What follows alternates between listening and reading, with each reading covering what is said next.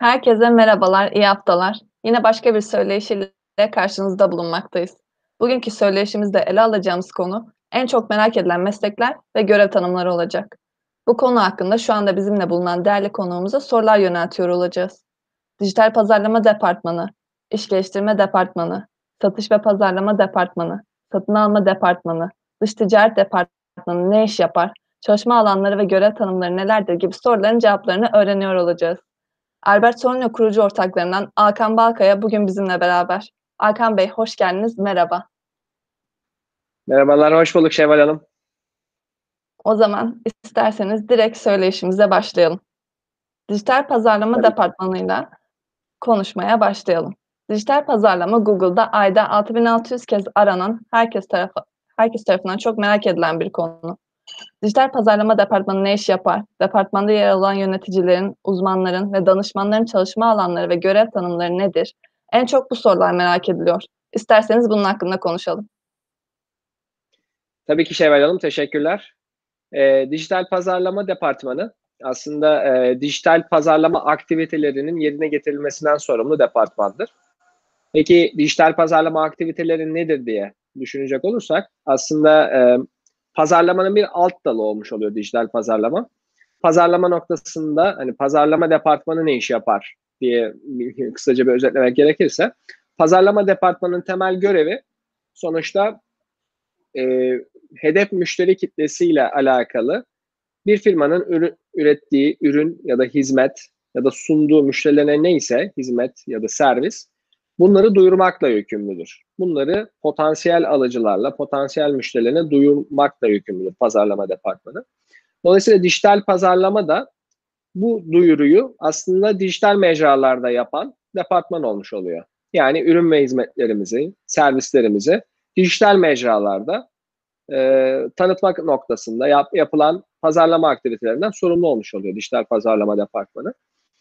E, Peki dijital ortamlar neler diye, düşünecek olursak tabii ki e, internet ortamı, online e, işte e, ortamlar dijital e, ortamlar olarak değerlendirilebilir. Dolayısıyla bu noktadaki araçlar işte bilgisayardan, bilgisayarlarımızdan, şimdi yeni nesil televizyonlardan e, ondan sonra ve aynı şekilde cep telefonlarından e, girerek ulaşabildiğimiz e, on, hedef müşterilerimizin bir anlamda bu mecraları kullanarak bizim onlara ulaşabildiğimiz bir e, kitle yaratmış oluyor. Dijital pazarlama departmanı bu aktivitelerden sorumlu.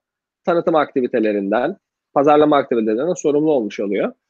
Dolayısıyla e, bu departmanda çalışan dijital pazarlama uzmanı, dijital pazarlama yöneticisi ve müdürü toplamda yaptıkları şeyler şu şekilde olmuş oluyor. Bir, öncelikle tabii ki marka bilinirliğini arttırma noktasında e, bir görev alıyorlar.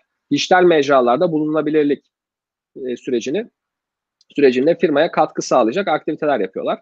Nedir bunlar? İşte tabii ki web sitesinin, dijital mecradaki en önemli bulunurluk olan web sitesinin gerçekten ihtiyaçlara, hedef müşterilerimize uygun, onları bilgilendiren, ürün ve hizmetlerimize gerçekten ulaşmaları noktasında herhangi bir engelin olmadığını, emin olan olmakla başlamak durumundalar.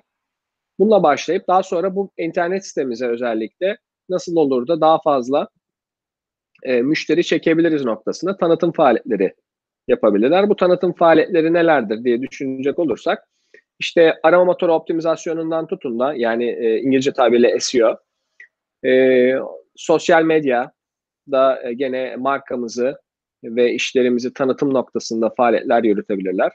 Aynı şekilde e, İngilizcesi SEM dediğimiz işte Search Engine Marketing yani aslında arama motoruna reklam e, verme faaliyetleri diyelim.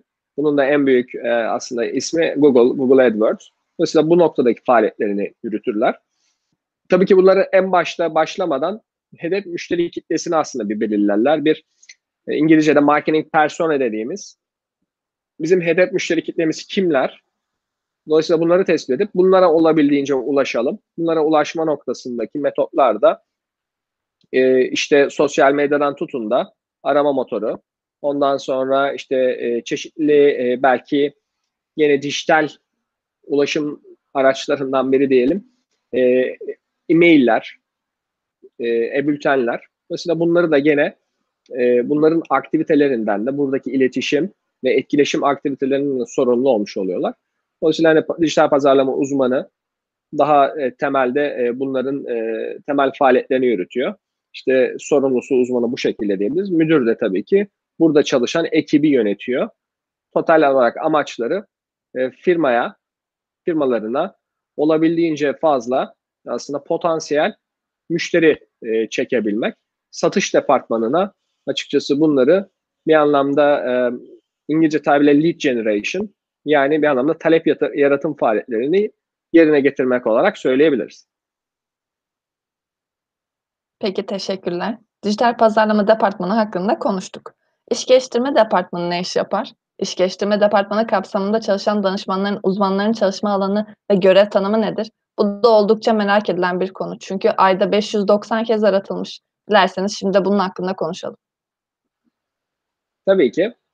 E, iş geliştirme departmanları aslında her şirkette belki ismen iş geliştirme departmanı olmasa da aslında bir, her şirketin yaptığı bir faaliyet.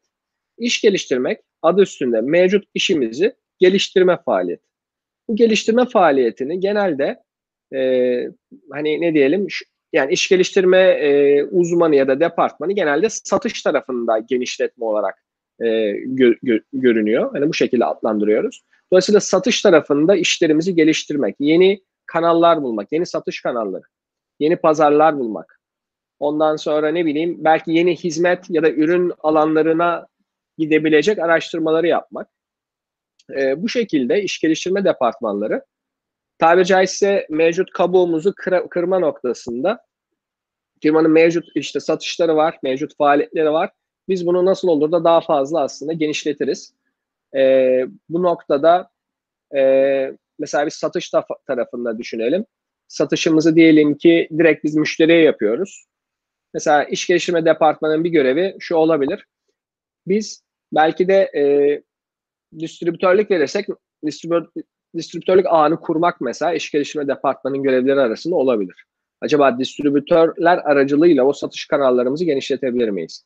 Ya da işte biz e, Türkiye pazarında ve diyelim ki Avrupa pazarına e, ihracat yapıyoruz. Ama mesela diyebiliriz ki mesela acaba işte Amerika pazarına e, açılım nasıl olabilir? Amerika pazarına da girebilir miyiz diye düşünüp bu şekilde araştırma faaliyetlerini yapan ve e, ilk adımları tabirisi ilk adımları, ilk kurulum adımlarını atan mevzuatsal açısı, açıdan acaba e, uygun olur mu? İşte ne bileyim lojistik açıdan acaba yapılabilir mi gibi konuları fizibilitesini bir anlamda işin yapan departman olarak iş geliştirme departmanı söyleyebiliriz. E, dolayısıyla e, çok derin aslında böyle bir kalıba sokamayacağımız ama temel olarak e, mevcut işlerimizi daha fazlalaştırma noktasında e, yeni yapılacak faaliyetleri planlayan, analiz eden ve bu noktada e, önerilerle gelen bir departman olarak söyleyebiliriz. Dolayısıyla bu konuda iş geliştirme uzmanı e, artık o departman varsa firmada yoksa mutlaka biri yapıyor bu arada bu iş geliştirmeyi. Belki pazarlamadan sorumlu, belki satış pazarlamadan sorumlu kişiler yapıyor. Belki firmanın direkt sahibi yapıyor. Aslında bu faaliyetler yapılıyor. Ama bunu daha böyle kurumsal yapı çerçevesinde yapılıyorsa buna işte iş geliştirme departmanı diyoruz. İş geliştirme uzmanı, iş geliştirme müdürü departmanın büyüklüğüne göre işte iş geliştirme uzmanının yaptığı işler işte bu söylemiş olduğum aktivitelerde görev alması demek oluyor. İşte temel unsurlarda araştırma görevleri, ondan sonra mevzuat açısından ya da fizibilite açısından iş geliştirme müdürünün kendisine verdiği temel amaçlar da olsa kendisine verdiği görevleri icra etmek olmuş olan iş geliştirme uzmanının görevi ya da iş geliştirme sorumlusunun görevi. Aynı şekilde iş geliştirme müdürünün de temel amacı günün sonunda gerçekten e, firmayı ne kadar ileri götürecek e, geliştirme faaliyetleri yaptığını bir anlamda e, şey yapabilir, e, düşünebilir. Bu şekilde e, iş geliştirme müdürü de e, temel olarak tüm bu iş geliştirme faaliyetlerinden sorumlu kişi olmuş oluyor. Dolayısıyla varsa ekibi derinlemesine aşağıdaki iş geliştirme uzmanlarını ya da sorumlularını yöneten kişi olmuş oluyor. Ve bu şekilde özetleyebiliriz. Tekrar teşekkür ederim Hakan Bey. Peki, satış ve pazarlama da iş geliştirme departmanı kadar merak edilen bir konu. Satış ve pazarlama departmanının sorumlulukları nelerdir? Bu departmanlar kapsamında yer alan satış ve pazarlama yöneticilerinin, danışmanlarının ve uzmanlarının görev tanımları nelerdir? Ee, tabii ki Şevval'in. Şimdi satış ve pazarlama departmanı bazı şirketlerde beraber olabiliyor. Özellikle hani daha nispeten küçük ölçekli şirketlerde satış ve pazarlama faaliyetleri birbiriyle aynı faaliyetler gibi de düşünülebiliyor. Halbuki öyle değil. Ayrıdır. Pazarlama ayrı, satış ayrıdır. Ondan sonra Dolayısıyla ama tabii ismen öyle söylenebilir. Dolayısıyla satış pazarlama departmanı sadece satış değil pazarlama da yapıyor olabilir. Ya da bazı daha nispeten göreceli olarak büyük şirketlerde ya da gerçekten bu ayrımı netleştirmiş şirketlerde pazarlama departmanı ayrı, satış departmanı ayrıdır. Pazarlama departmanı aslında e, hani konumuzun söyleşimizin ilk başında söylediğim gibi talep arttırma noktasında ya, yapılan tanıtım faaliyetlerin toplamını aslında pazarlama faaliyetleri diyoruz. Dolayısıyla mesela şöyle düşünelim pazarlamayı. E, satış yapmak değil, tanıtım faaliyetleri. Satışa yardımcı, satış noktasında evet ben artık ürününüzü, hizmetinizi alıyorum diyebilen müşterileri aslında hazırlamak demek gibi düşünülebilir. Dolayısıyla ne demek bu? Ee, şöyle söyleyebiliriz. Ee, ürün ya da hizmetlerimizle alakalı potansiyel alıcılarımız var. Bu potansiyel alıcılara bir kısmına diyelim ki e, dijital olarak reklamlar vererek ulaştık. Reklamlar verdik. Bu e, reklamlar verdik. Diyelim ki işte bin kişi o reklamları gördü. Ama bin kişinin hepsi onlarla ilgilenmeyecek. Bu, bu, burada bir şey var tabii kayıp oluyor olacak. O bin kişiden belki de onu, yüzü neyse ürünümüzle ilgileniyor olacak. İşte o onu, yüzünü aslında e, tabiri caizse e, oluşturabilmek için o bin kişiye ulaşan tanıtım faaliyetlerini yapar pazarlama. E, aynı şekilde bir fuara katılabilir. Yine pazarlama departmanının planları arasında fuara katılmak, işte dijital e, mecrada şu kadar bütçeyle reklam vermek ya da işte ne bileyim e, diğer tarafta e, işte şu kadar tanıtım faaliyeti yapmak gibi şeyler olabilir. E, dolayısıyla pazarlama departmanı bunları yapar. Pazarlama departmanından e, geldik e, satı, satış departmanına. Satış departmanı da özellikle bu pazarlama departmanının sayesinde gelen potansiyel müşterileri reel gerçekten müşteriye dönüştürmeyle sorumludur. Yani satışları kapatmakla e, sorumludur. Ya diyelim ki pazarlama departmanı bir ürün hizmetimiz tarafında evet ben istiyorum ürün hizmetinizi dedi. Güzel. Pazarlama departmanı işi bitiyor orada. Satış departmanı tamam fiyatımız şu. Şartlarımız da bunlar. Dolayısıyla anlaşıyorsa müşteriyle o müşteriye satışı gerçekleştiriyor. Gayet güzel. Artık o aktif müşteri olarak e, firmamıza katılıyor. Ama o satış tarafındaki e, süreçte belki de satış tarafındaki e, diyelim ki teklif belki de e, olumlu karşılanmayabilir. Yani müşteri kabul etmeyebilir. Yok fiyatınız yüksekmiş diyebilir. Ya da indirim talep ettiğini varsayalım. İndirimi de diyelim ki şirket kabul etmedi. Orada gerçekleşmeyebilir. Mesela orada da bir kayıp söz konusu. Satış departmanı da olabildiğince o tarafta satışı gerçekleştirmek ve potansiyel müşterileri gerçekten ürünümüzü, hizmetimizi ya da servisimizi satın almış müşteriye çevirme noktasında görev üstlenen departmandır. Satış departmanı tabii şirketlerin e, can damarıdır diyelim. İlk şirketin beslendiği tabii ki e, şirketin gelir sağladığı nokta satış departmanından geçer. Dolayısıyla satış departmanında kotalar vardır. Satışları şu kadar satış gerçekleştirmeli gibi hedefler vardır. Ondan sonra biraz streslidir bu anlamda. Ama aynı zamanda da zevkli bir departmandır. Pazarlama departmanında da gene e, aynı şekilde işte şu kadar e, talep yaratmalısınız diye hedefler ve hani KPI'ler, anahtar performans göstergeler gene tanımlanabilir. Ama satış departmanında hemen hemen her şirkette e, hedefler, kotalar, şey e, işte rakamlar nettir. Çünkü şirketin ana e, gelir kaynağını tabii ki satış departmanı oluşturur. Dolayısıyla bu noktada pazarlama tarafındaki işte pazarlama uzmanı, pazarlama müdürü pazarlamada talep arttırım faaliyetlerini yürütürler bu bağlamda. Şirketin organizasyon yapısı ne kadar genişse bu şekilde belki işte pazarlama direktörüne kadar çıkabilir. Pazarlama direktörü, işte pazarlama müdürü altında ya da işte onun altında işte pazarlama e, sorumluları gibi e, şeyler olabilir, e, pozisyonlar. Satış tarafında da aynı şekilde satış direktörü, satış müdürü, ondan sonra satışlar çok daha genişse ülke satış müdürleri olabilir. Farklı farklı ülkelere satış yapıyorsa diyelim ki farklı satış e, yaptığı ülkelerde satış müdürleri olabilir, ülke satış müdürleri olabilir. Ya da ürün ya da hizmet bazında e, daha böyle ne diyelim e, özelleşmiş şeyler olabilir. Özelleşmiş e, satış müdürleri gene olabilir. Diyelim ki işte hizmet satışlarından sorumlu müdür, bir tarafta da işte ürün satışlarından sorumlu müdür gibi. Dolayısıyla bu şirketin büyüklüğüne, e, satmış olduğu ürün, hizmet ya da servisin derinliğine göre değişebilir. Yani hangi e, pozisyonlar olabileceği bir departmanda. Ama temel olarak görevleri az önce bahsettiğim gibi bu e, bu şekilde özetleyebiliriz. Tamam. Satıştan bahsetmiş olduk. Şimdi de satın alma hakkında konuşalım. Satın alma ayda 2900 kez aratılmış bir konu. Peki, satın alma departmanının sorumlulukları nelerdir? Bu departman kapsamında yer alan yöneticilerin, uzmanların görev ve sorumlulukları nelerdir? Satın alma departmanı aslında e, şöyle e, açıklayabilirim. E, bir birey olarak bizler de çeşitli ihtiyaçlarımız var ve satın alma faaliyeti gerçekleştiriyoruz. Ne gibi? İşte cep telefonu ihtiyacımız oluyor, cep telefonu alıyoruz. Bilgisayar ihtiyacımız oluyor, bilgisayar alıyoruz. Ya da işte giyim kuşam alıyoruz. Bu noktada satın alma yaparken baktığımız şeyler neler diye baktığımızda tabii ki ihtiyacımızı belirliyoruz. İhtiyacımız şu. İşte diyelim ki bir tane işte e, bilgisayar. Tamam. Yaptığımız ilk aşama nedir? Pazar araştırmasıdır. Dolayısıyla hani ben hangi e, bilgisayarı alsam benim ihtiyacımı görecek. Bir kere onu tespit ediyorum. Dolayısıyla teknik teknik şartname hazır bir anlamda. Öyle e, şey yapalım. Teknik spesifikasyonlar belli. Güzel. Peki temel olarak pazarda bu ihtiyacımı karşılayacak hangi ürünler var? Ne yapıyoruz? Hemen fiyat araştırması. Fiyat araştırması yapar dolayısıyla aynı şekilde. Satın alma departmanı.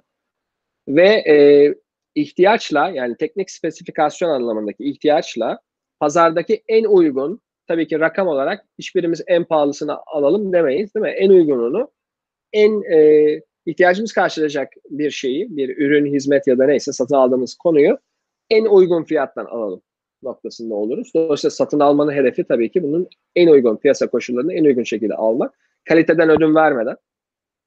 Dolayısıyla e, bu şekilde pazar araştırması yapar. Pazar araştırmasının neticesinde e, tekliflere ya da neyse şeylere bakar, rakamlara ve gerçekten o, o ürünle alakalı bilgi toplar ya da o bize e, verecek e, satın alacağı yerle alakalı gerçekten bu ürün iyi mi ya da bu tedarikçi iyi mi? İşte gerçekten sözünde durur mu vesaire gibi ya da işte gerçekten kalitesi iyi mi gibi ve bu noktadaki satın alma faaliyetini gerçekleştirir. Tabii satın alma tarafında satın almanın gene boyutuna göre satın alma departmanları çok geniş olabilir.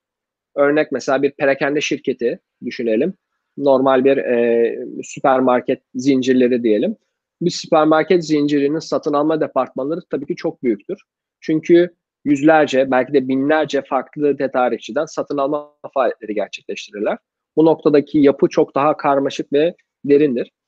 Ee, ancak diyelim ki daha böyle hizmet şirketi olduğunu varsayalım. Diyelim ki bir yazılım şirketi. Yazılım şirketlerinde mesela satın alma departmanı görece olarak tabii ki daha az e, departman olarak daha az bir büyüklüğe sahiptir, daha küçüktür. Niçin? Çünkü bir aslında yazılım e, şirketindeki satın alma faaliyetleri temel olarak işte ofis ihtiyaçları, işte bilgisayarlar, donanımlar vesaire biraz daha kısıtlıdır. Bir üretim şirketinin satın alma departmanı karmaşıktır. Neye göre? Bir yazılım departmanına göre, yazılım şirketine göre. Niye? Çünkü üretimde e, üretimde satın alma çok yani e, kritik bir konuya sahiptir, kritik öneme sahiptir. Tedarik zinciri dediğimiz üretimde yapının ana unsurudur. Şöyle düşünelim, üretim yapacağız. Diyelim ki bir otomobil üretiyoruz, otomobil yan sanayi üreticisi değil, otomobil parçası üretiyoruz. Satın alma departmanı eğer ham maddeyi zamanında almazsa ya da o ham madde gerekli kaliteye sahip değilse satın alma departmanı çok ciddi aslında sıkıntıya girmiş demektir ya da satın alma tam olarak görevini yapmamış demektir. Çok çok kritiktir. Özellikle üretim şirketlerine satın alma çok kritiktir. Aynı şekilde dediğim gibi e, bu daha büyük satın alma noktasında yüzlerce, binlerce tedarikçiden farklı konularda farklı malzemeler alan şirketlerde de gene satın alma kritik e, öneme sahiptir. Bu bağlamda satın alma sadece bu piyasa araştırmaları yapmakla kalmaz. Tedarikçi ilişkilerini de yönetmekle sorumludur. Dolayısıyla bunlarla ilgili satın alma sözleşmeleri sürekli ise bunların sözleşmelerini e, doğru bir şekilde kurgular.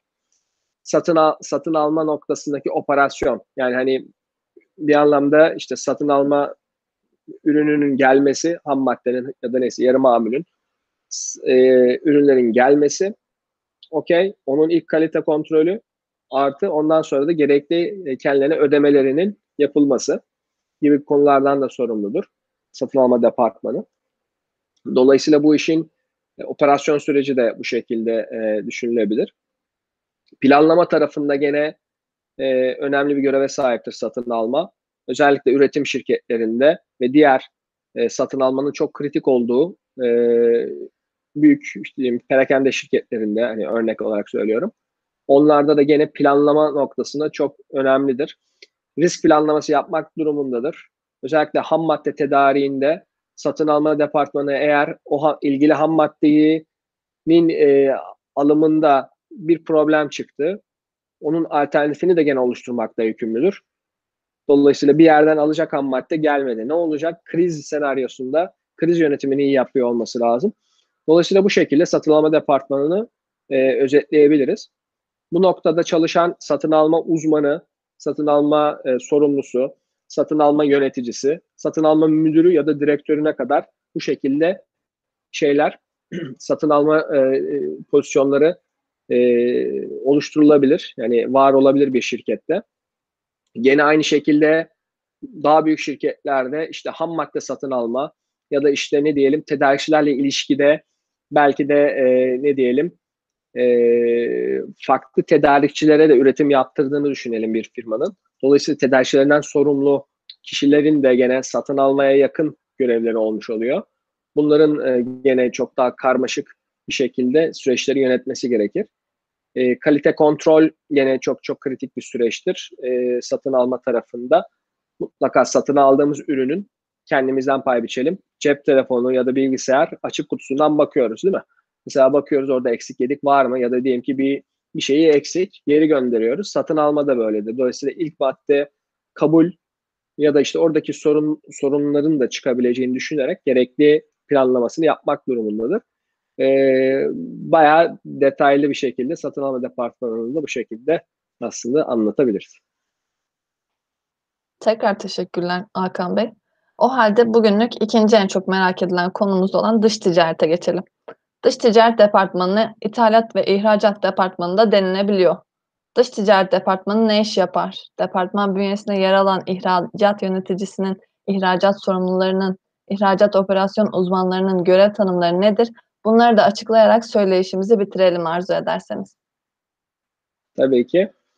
E, ithalat, ihracat sorumlusunu ikisini beraber şey yapalım isterseniz. İthalat ve ihracat sorumluları ya da departmanları, dolayısıyla dış ticaret departmanı temel olarak söyleyebiliriz. E, ülke dışından ülke dışından e, alınan e, bir anlamda e, ürünler ya da işte getirilen e, malzemeler bunların operasyonlarından sorumludur. Aynı şekilde bizim ülkemizde üretilip de yurt dışına ya da bizim ülkemizde olup yine ülkemiz dışına çıkar, çıkarılacak, satış anlamına çıkartılacak e, ürünlerin e, ya da bu süreçlerin e, operasyonundan sorumlu kişilerdir. Bu bağlamda e, genel olarak aslında çok ciddi bir şekilde dış ticaret mevzuatlarına, gümrük mevzuatlarına e, ondan sonra ve e, gene aslında satın almadaki olduğu gibi satın alma tarafında da hani bunun e, lojistiğini de dahil ederek lojistik çok önemli bir konu olmuş oluyor. Yani ürün buradan oraya nasıl gidecek ya da oradan yurt dışından bizim ülkemize, bizim fabrikamıza ya da e, ne diyelim şirketimize nasıl gelecek? Lojistiği de dahil ederek bu operasyonlardan sorumlu e, departmandır. E, şöyle söyleyebilirim. Öncelikle e, hem ülkemizdeki ihracat mevzuatını iyi bilmek durumunda. Bir. İkincisi e, lojistik tarafta e, işte navlunlardan tutun da işte ne diyelim e, akreditif dediğimiz e, finansal işlemlere kadar yani şu demek ürünü göndereceğiz. Tamam, lojistik olarak belli bir noktaya getiriyoruz. Ama mesela yurt dışından o ödemelerin nasıl geleceği, o ödemelerle ilgili sorunlar olursa bunların nasıl çözüleceği ya da buradaki riskler neler? Ürünümüzü gönderdik, ihracat ettik, parası gelmiyor. Ne yapacağız vesaire. Dolayısıyla sözleşmeler de aynı şekilde, hukuki boyutlar da aynı şekilde önemli olmuş oluyor. Dolayısıyla dış ticaret e, departmanı, ithalat ve ihracat sorumluları tüm bu mevzuatsal, hukuki e, konularda bilgi sahibi olmalarının yanı sıra aynı zamanda işte lojistik, kısmen neredeyse işte kalite kontrol yine olmazsa olmaz ve e, temel olarak bunların e, en optimum yani e, şekilde e, ithalat yapıyorsak işte en optimum tabii ki ithalatı yapma e, maliyet olarak işte lojistik maliyetlerini kısma noktasında gibi düşünebilirsiniz. E, bu şekilde e, bunları da göz önünde bulundurarak e, aslında operasyonlarını yürütme durumundalar. Yine ithalat ve ihracat departmanları aslında bir şirket eğer ithalat ya da ihracat yapıyorsa tabii ki bu departmanlar var. Yoksa ithalat ihracat tarafında da genelde tabii ki e, üründen bahsediyoruz. Yani bir hizmet ihracatında ya da bir yazılım ihracatında e, bu tarz e, departmanlara açıkçası ihtiyaç yok. O noktada. Ancak işler böyle e, üretime e, bir anlamda e, ne diyelim e, somut bir e, ürüne e, ürünle alakalı konuşuyorsak bu mevzuatlara hakim olmak durumundalar. Dolayısıyla bu departmanlar bu şekilde görev üstleniyorlar. İthalat ve ihracat sorumluları ya da işte uzmanları, onun üzerinde işte bunların e, işte müdürleri, işte müdürlerin üzerinde direktöre kadar gidebilir e, bu e, departman. Özellikle direkt dış ticaret şirketleri var. Dış ticaret şirketleri yani tamile işinin işi bu olan, tamile işi ithalat ve ihracat olan şirketler var. Bu tarafta işte özellikle işte navlun fiyatlarından tutun da işte lojistik maliyetlerine fiyat araştırması, işte sözleşmeler, işte e, ne diyelim e, en etkili olacak şekilde lojistik firmasıyla işte iletişim kurulması ve onunla anlaşma yapılması, orada sorunlar olursa işte ona göre işte alternatiflerin olması gibi konular e, gündeme geliyor. Finansal bilgiye de sahip olması gerekiyor. İşte ödemeler, işte diyelim ki e, işte akreditif yani işte bir anlamda garanti ihracat gibi düşünelim. Hani malı gönderiyoruz. Bir yerde aslında ödemesi bir yerde tutuluyor üçüncü bir şey tarafından, finansal kuruluş tarafından. O tarafta ürünü aldım, ben de bu tarafta ürün sattım. Tamam o zaman işte para akışı e, gerekli yere sağlanıyor gibi. Bunlar hakkında da bilgi sahibi olması gerekiyor departmanın. E, dolayısıyla ve tabii ki seyahat etme noktasında da seyahatin de yoğun olduğu özellikle ihracat tarafında seyahatlerin de özellikle e, ithalat tarafı da dahil olmak üzere hani ithal edeceğimiz eğer sürekli bir ithalat yapacaksak tabii ki o firmaya gidip ithalat yapacağımız e, e, firmayı yerinde görüp gerçekten güvenilir olup olmadığını sözleşmeleri vesaire ya da sorun olduğunda direkt atlayıp ilgili ülkeye gitme noktasında bunlara da açık olmak durumunda.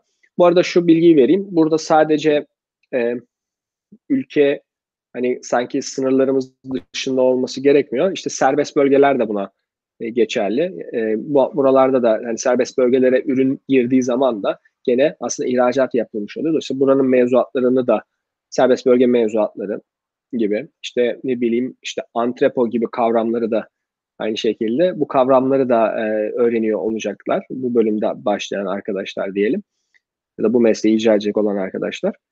E, dolayısıyla bu şekilde dış ticaret e, departmanı ve bu, bu konuda bu görev alacak arkadaşların görev tanımlarını bu şekilde özetleyebiliriz. O halde söyleşimizin sonuna gelmiş bulunmaktayız Hakan Bey.